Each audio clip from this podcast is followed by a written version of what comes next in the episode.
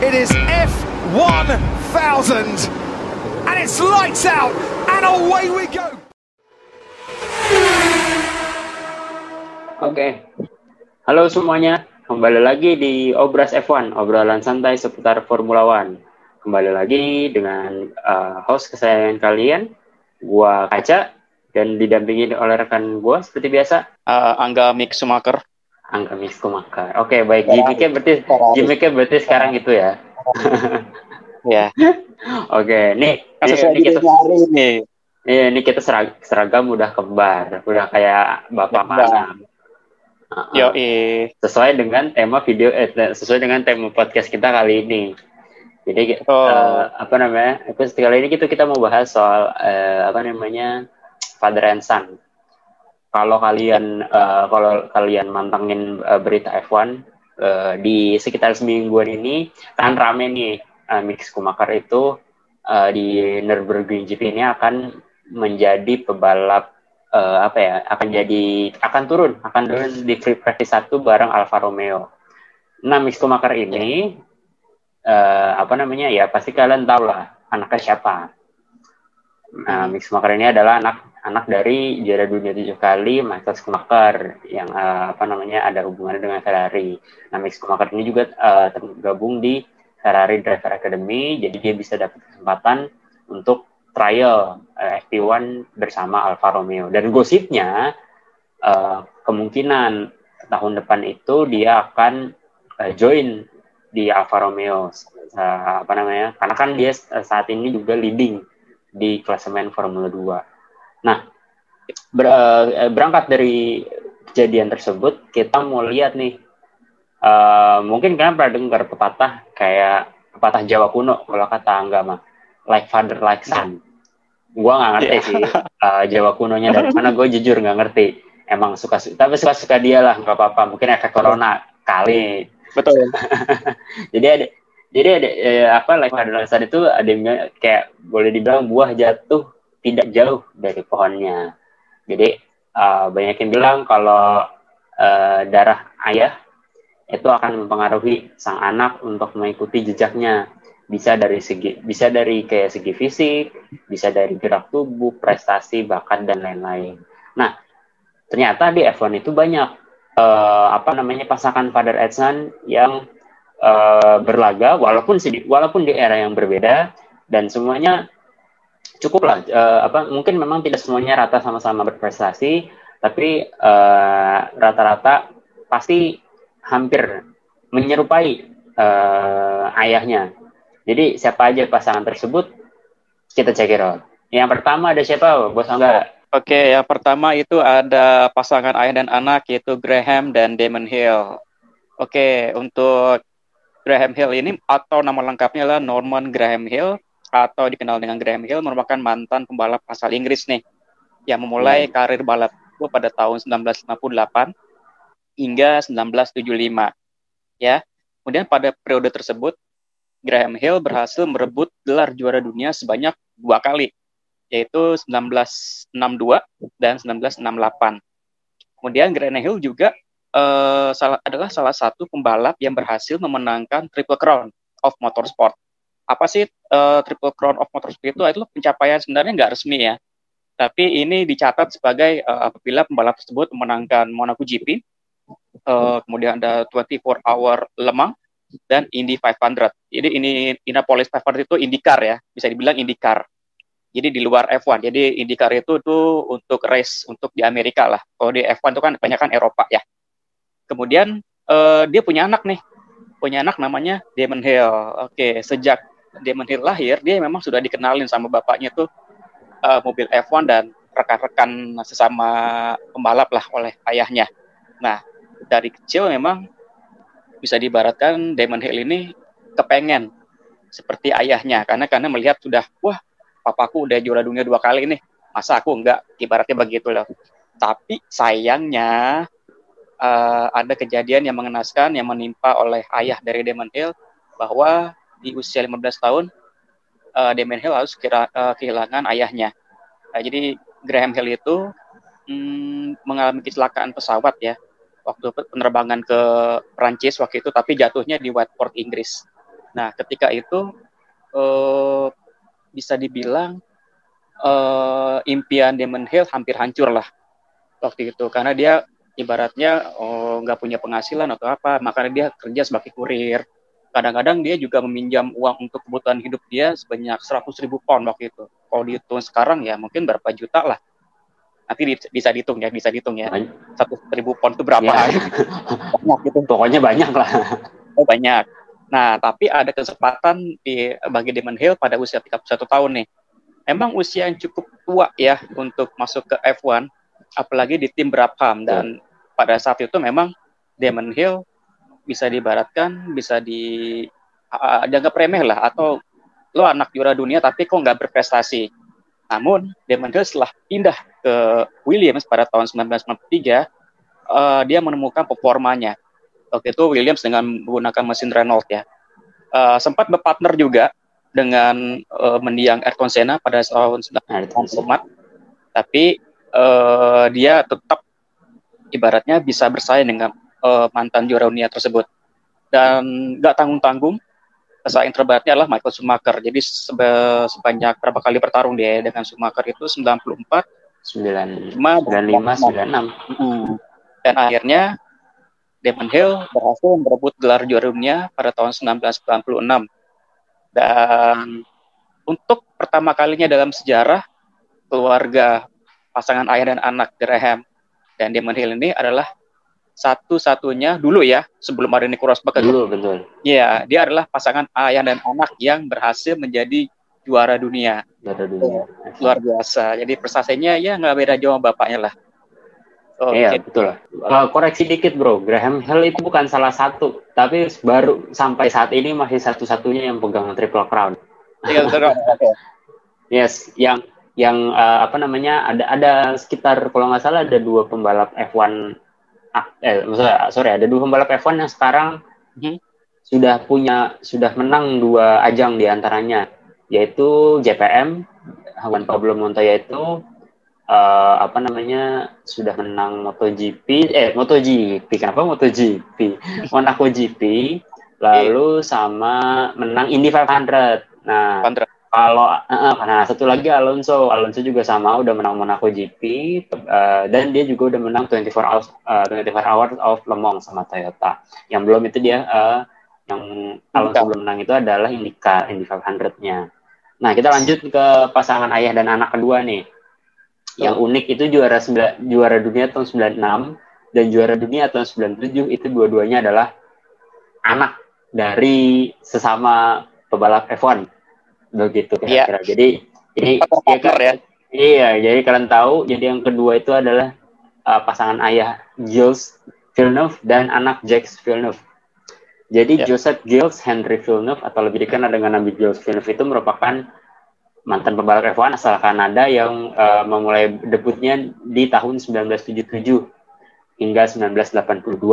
Selama menjalani karir sebagai pembalap, Gilles ini terkenal akan gaya mengemudinya yang luar biasa Uh, jadi Girls itu overtakingnya tuh berani banget. Ham, uh, mungkin jadi mobil tuh sampai goyang, sampai ngepot dia bawa. Oh uh, bener-bener yeah. right on the limit. Mungkin uh, boleh dibilang mirip-mirip sama gayanya Verstappen dulu. Tapi walaupun ya gue lebih gue bilang Girls jauh lebih hebat karena mobilnya yeah. jauh lebih apa ya masih jauh lebih kasar lah begitu.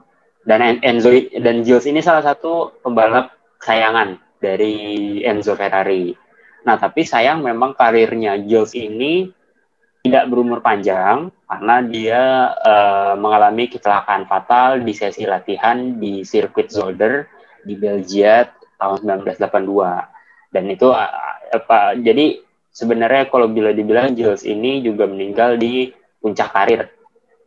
Uh, puncak karirnya lah begitu. Karena kalau misalnya dia tidak ibaratnya tidak mengalami kecelakaan itu dia punya peluang besar untuk jadi juara dunia tahun 1982. Nah, di kejadian itu anaknya Jack Villeneuve itu masih berusia 11 tahun. Si Jack Villeneuve ini memang memang sering nih nemenin nemenin ayahnya dan uh, apa ya karena sudah sudah akrab sudah akrab dengan lingkungannya akhirnya dia juga kepengen uh, untuk ikutin jejak sang ayah. Nah, tapi dia memang tidak langsung masuk ke F1. Dia masuk ke IndyCar atau atau dulu namanya masih kart. Dia juara dia juara tuh. Uh, dia juara di musim 1995 sekaligus menang Indy 500 di tahun 95 juga. Nah, begitu dia masuk F1, masuk Williams. Dia juga masuk Williams. 97 akhirnya dia uh, memenangi gelar juara dunia F1 walaupun dengan dramatis ya. Dan uh, lawannya lawannya juga sama nih dengan Marcus Schumacher. Apa lawannya sama kayak Damon Hill, Marcus Schumacher juga. Iya. Iya. Nah, uh, apa setelah itu uh, dan nama ayahnya, nama ayahnya yaitu Jules Villeneuve itu juga diabadikan menjadi nama sirkuit uh, balap yang terletak di Montreal yang rutin menggelar F1 dari tahun di F1 di Kanada dari tahun 1978 dan cuma absen di musim 2009 waktu itu digantiin Abu Dhabi. Nah, Jack Villeneuve sendiri selepas F1 itu dia tetap suka balapan di beberapa series lain kayak 24 Hours of Le Mans, World Rally Cross uh, dan sama yang terakhir dia balap di Formula E. Uniknya dia ini selain jadi pembalap dia juga jadi DJ. Eh jadi DJ, musik musisi ceritanya. Dia tahun 2007 itu sempat rilis uh, album album musik judulnya Private Paradise walaupun uh, tidak terlalu sukses. Cuma terjual. Gak laku ya. Gak laku, laku, iya, iya. Mm -mm, gak laku. Saya gak laku. Saya laku Uh, uh, saya nggak enak mau ngomong gak laku ya, kurang sukses gitulah. Ya. cuma, ya, cuma terjual, cuma terjual itu 800 kopian aja di Amerika Utara. Hmm. Oke, okay. nah selanjutnya siapa nih bang? Bang enggak? Oke, okay, berikutnya itu ada pasangan ayah dan anak Mario dan Michael Andretti dari, dari Kanada ya. pindah ke Amerika ya. Mantap. Oke, okay. Oke, okay, Mario Andretti ini juga mantan pembalap juga sih sebenarnya. Jadi Mario Andretti itu sebenarnya dia orang Italia Turunan. Dia sebenarnya aslinya Itali, cuman dia dinaturalisasi jadi uh, oh. warga negara Amerika. Oh, gitu. Okay. Jadi dia oh, ibaratnya dia imigran lah. Imigran lah ya. Mm-hmm. Kemudian dia balap uh, NASCAR, IndyCar dan F1. Kemudian di F1 juga dia berhasil merebut gelar juara dunia uh, tahun 1978 dengan mengoleksi 12 kali menang. Nah, kemudian Mario Andretti juga salah satu dari dua pembalap yang berhasil menangkan balapan Formula One, IndyCar, dan NASCAR. Itu ya. ya. Kemudian pembalap lainnya memiliki prestasi yang serupa adalah Juan Pablo Montoya. Jadi agak-agak mirip lah. JPM. Uh, eh, JPM. Kemudian Mario Andretti dia memiliki putra bernama Michael Andretti. Namun sayang ya untuk Michael Andretti ini prestasinya enggak sebagus ayahnya lah. Karena di banyak F1. Uh, di F1 tapi buruk, ya. Iya, di F1 ya, di F1. Uh, eh, terlalu banyak serangkaian uh, apa ya Sial. kejadian buruk yang menimpa dia selama di McLaren. Uh, dia sempat terpikir bahwa selama dia di McLaren itu selalu apa ya gagal terus atau gimana gitu ya. Kayaknya ada dari pihak McLaren melakukan sabotase untuk dia. Kayaknya. Jadi yeah. didepak secara halus lah. Jadi betul, betul. Uh, dengan cara ibaratnya McLaren ingin merekrut pembalap yang lebih murah waktu itu ada Mika Hakkinen. Mika Hakkinen. Mika Hakkinen masuk nih. Nah, tentu bayaran lebih murah kan. Nah, alhasil Michael pun kembali ke ajang IndyCar, ajang yang membesarkan namanya. Kemudian prestasi Michael Andretti di IndyCar sangat kontras dengan uh, di F1 ya. Dia bisa 42 race, uh, 42 kali menang. Kemudian dan gelar juara IndyCar di musim 1991. Nah, setelah pensiun, Michael Andretti mendirikan uh, tim balapnya sendiri nih yang diperkuat Takuma Sato. Ingat hmm. itu doang. Andretti Autosport sama satu. Iya itu doang. Kalau, kalau uh, hingga saat ini dan hingga saat ini tim ini masih berlaga sih di di ajang racing series seperti IndyCar dan Formula E. Hmm. Begitu. Itu untuk uh, keluarga Andretti. Jadi Andretti. bisa dibilang Andretti, Michael dan Mario ini Michael Andretti kurang begitu sukses lah di F1 lebih cenderung ke IndyCar. Uh, ajang IndyCar begitu.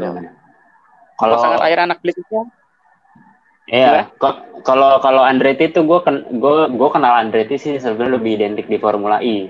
Gue nggak terlalu hafal kalau di IndyCar. Kalau Formula itu dia identik dengan BMW. oh, BMW. Iya. Saya ingat gue uh, ada banyak ya pembalapnya. Kalau mati nanti bisa dikoreksi ada Tony Kenaan gitu juga di Andretti Green Racing, Takuma Sato. Kayaknya ada banyak deh. Jadi satu tim itu banyak, ada berapa pembalap betul, yang betul, betul.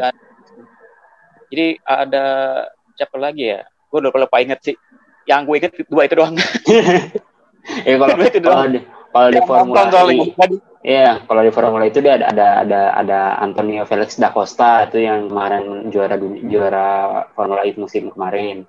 Terus ada uh -huh. Alexander Sims itu pembalap GT-nya dari BMW juga sama yeah. Max Gunther itu juga sama rata-rata pembalap BMW sih yang ada di Formula E. Oke, kita lanjut hmm. ke pasangan ayah dan anak selanjutnya. Uh, yes, pasangan siapa? anak ayah dan anak selanjutnya itu ada ya ini sih terkenal banget sih. Bohong yes, kalau ada kalau ada orang yang akan apa kalau lo pebalap F1 tapi lo nggak kenal dua orang ini sih coba belajar lagi ya tolong ya. Siapa, jadi, siapa siapa siapa? jadi ya, jadi yang keempat ini ada Keke dan Nico Rosberg. Jadi Cut Keke maksudnya? Eh bukan bukan. Anda oh, bukan. anda anda anda kenapa harus ke Keke buset Masa dong, ke Rosberg gitu. Bukan. Kekenya. Bukan, Keke tuh anak itu, anak apa namanya, anak orange. Anak orange. Anak orange. Kecia. Siapa sih? Iya, iya. Bukan, bukan. Keke tuh, Keke, Keke, Keke itu youtuber. Youtuber yang nyanyi itu. Yang nyanyi aku bukan boneka. Oh. Keke itu. Itu Keke. Beda, beda, beda. ya, ya, ya, ya, sekarang ya, ya, ini adalah Keke dan Nico Rosberg. Jadi ya. Keke Rosberg ini adalah pembalap F1 asal Finlandia. Dia berkarir di F1 dari tahun 78 sampai tahun 86, kurang lebih berapa tahun tuh? 8 tahunan lah ya. Nah, di ya. apa namanya sepanjang karir itu dia pernah gabung dengan tim Theodore, ATS, Wolf, Fittipaldi, uh, Williams dan McLaren. Dia juara, dia juara dunia itu di Williams ya? Williams. Williams kan? Uh, ya, gue, Williams. Gue inget mobil tuh yang ada logo tak sama Saudi kalau nggak salah. Ininya apa? Uh, yeah, sponsornya masih Saudi Airlines. Nah, Rosberg ini berhasil meraih gelar juara dunia pada tahun 1982 setelah bersaing ketat dengan pembalap Carlos Reutemann. Walaupun memang dia cuma satu kali menang di musim 82, tapi itu Keke Rosberg ini sangat konsisten jadi sepanjang musim itu dia finish nggak lebih dari tiga besar. Jadi poinnya nambah nambah nambah nambah. Akhirnya karena konsisten dia bisa jadi juara dunia. Nah, uh, Keke Rosberg ini dia punya anak namanya Nico Rosberg. Nah, Nico Rosberg ini dia punya dua kewarganegaraan yaitu Finland dan Jerman. Tapi akhirnya dia memilih untuk uh, apa namanya racing untuk membalap dengan di under under bendera Jerman. Nah, uh, apa namanya? Karena kan ibaratnya banyak lah, lebih banyak lebih, lebih banyak pembalap F1 asal Jerman lah ya daripada Finland gitu lebih lebih mulus yeah. udah gitu. Uh, mungkin kalau di Jerman itu dia strata motorsportnya lebih bagus. Uh, apa namanya? Ibaratnya ini ikatan motor ininya dia lebih bagus di Jerman gitu. Nah, Nico Rosberg ini uh, apa namanya juga alhamdulillah berhasil menjadi juara dunia pada tahun 2016 bersama Mercedes dan setelah itu memutuskan untuk pensiun. Nah, Keke dan Nico Rosberg ini adalah menjadi pasangan ayah dan anak pertama yang berhasil sama-sama mengenangi GP Monaco dengan selisih 30 tahun antara si bapak dan si anaknya. Dan Keke uh, dan Nico Rosberg ini adalah pebalap berstatus ayah dan anak yang pernah memenangkan Monaco GP dan gelar, uh, dan gelar juara dunia F1 keduanya juga sama-sama pernah berlaga di uh, Williams. Oke. Okay, Tapi di next. Williams, Rosberg, eh, Nico Rosberg nggak, nggak gitu bagus ya? Enggak, enggak. Emang Williams juga bontot. nggak salah Nico Rosberg sih. Emang Williams juga rada-rada. Lagi kapus bagusnya Williams pasti Nico Rosberg masuk tuh. Oh, Oke, okay. pasangan ke lima. Wah, nggak bagus-bagus amat waktu itu. Williams Toyota kalau nggak salah deh. Apa iya, Williams William, Renault ya lupa. Ya, Williams Toyota, iya sempat Williams Toyota, sempat Williams Cosworth. Ya begitu dah.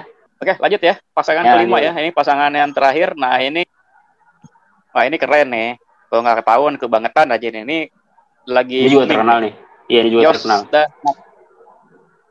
yes, Yos Jan Max Verstappen. Oke. Kita bahas bapaknya dulu ya. Itu Jos Verstappen atau Johannes Verstappen merupakan mantan pembalap F1 asal Belanda yang juluki Jos the Boss. Gue nggak tahu dari dipanggilnya Jos the Boss karena apa ya kan? nah jadi si Verstappen ini Jos Verstappen iya nggak tahu dah. Jadi Jos Verstappen ini dia mulai karir balapnya agak beruntung ya di tahun 94 tapi di bawah bayang-bayang Schumacher. jadi selama karirnya uh, selama di F1 uh, Jasper Verstappen belum pernah menang. Iya sih. belum pernah menang dan selalu melalang buana ke tim-tim papan tengah dan papan bawah, nggak pernah ke atas. Mm-hmm. Nih ya, tim-tim papan bawah dan tengahnya itu ada Simtek, ada Footwork, ada Tyrrell, ada Stewart, Eros, Minardi lagi. jadi jadi 107 kali balap di F1, dia cuma dua kali naik podium. Itu GP Hungaria dan GP Belgia tahun 94 sama Benetton. Ya, gue rasa sih yang juara satu Sumaker tuh.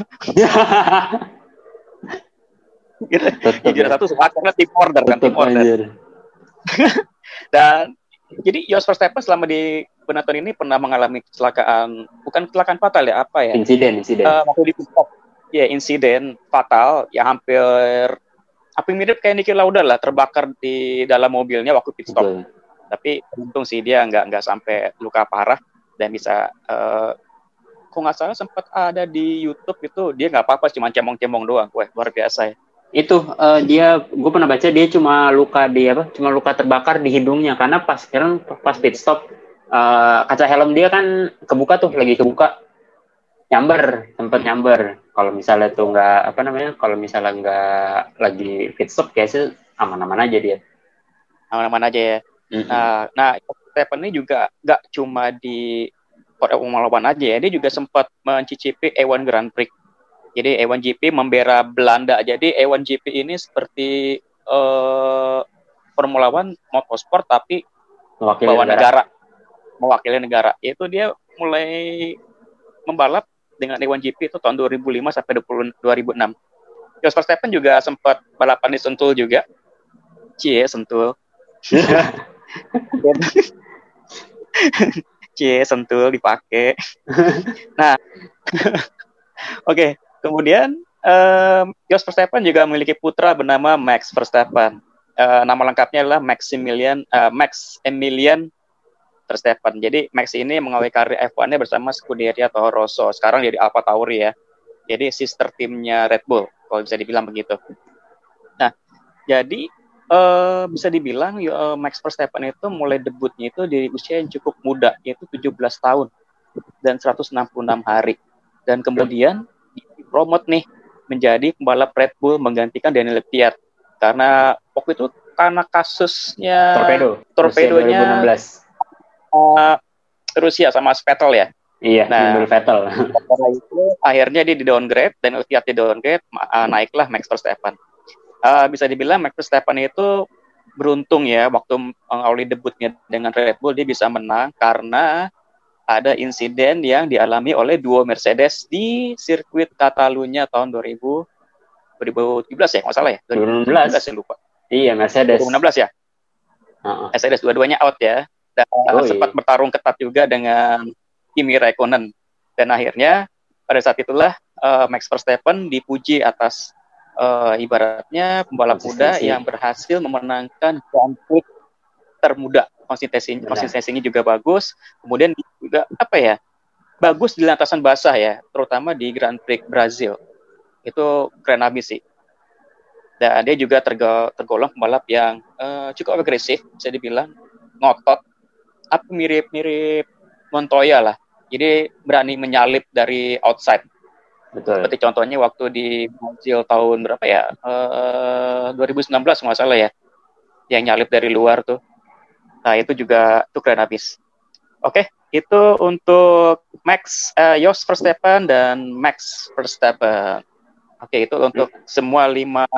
Sebenarnya masih banyak ya masih banyak. Yang ayah dan anak masih banyak, cuman kita kasih lima dulu aja nanti kita ada akan ada part berikutnya lagi lah. Nanti siapa aja anak uh, bapak dan anak yang jadi pembalap F1 tungguin aja. Lu lu umur 17 ngapain, Sob? 17. Lu umur 17 Gue sekolah aja SMA. Gue di perpus ya? tuh gue. Nah, kerjaan kimia. Aja. Jadi anak baik-baik ya. Lu anak baik-baik sebenarnya. Max Verstappen udah jadi udah jadi bad boy coy. udah nyetir mobil. mobil gue belum ngapa-ngapain. gue di perpus aja ngerjain tugas gue. eh bentar kalau sekolah dulu kalau ada guru ya, kalau ada guru, gue mendingan daripada main di kelas berisik gue ke perpus beneran. C, anak-anak kutu buku, anak buku. Ini anak-anak baik-baik nih memang ya. Iya lagi lagi lagi. Ya, belajar memang begitu lah. Fungsi sekolah kan gitu untuk Hmm. menimba ilmu bukan untuk main-main kan. Hmm. Bukan buat ini ya, bukan buat trek-trekan ya. Oh enggak lah, saya dulu nggak pernah bawa motor saya dulu. Emang Nggak nggak bi- hobi. Nggak nggak pernah apa nggak bisa. Ah, antara dua itu.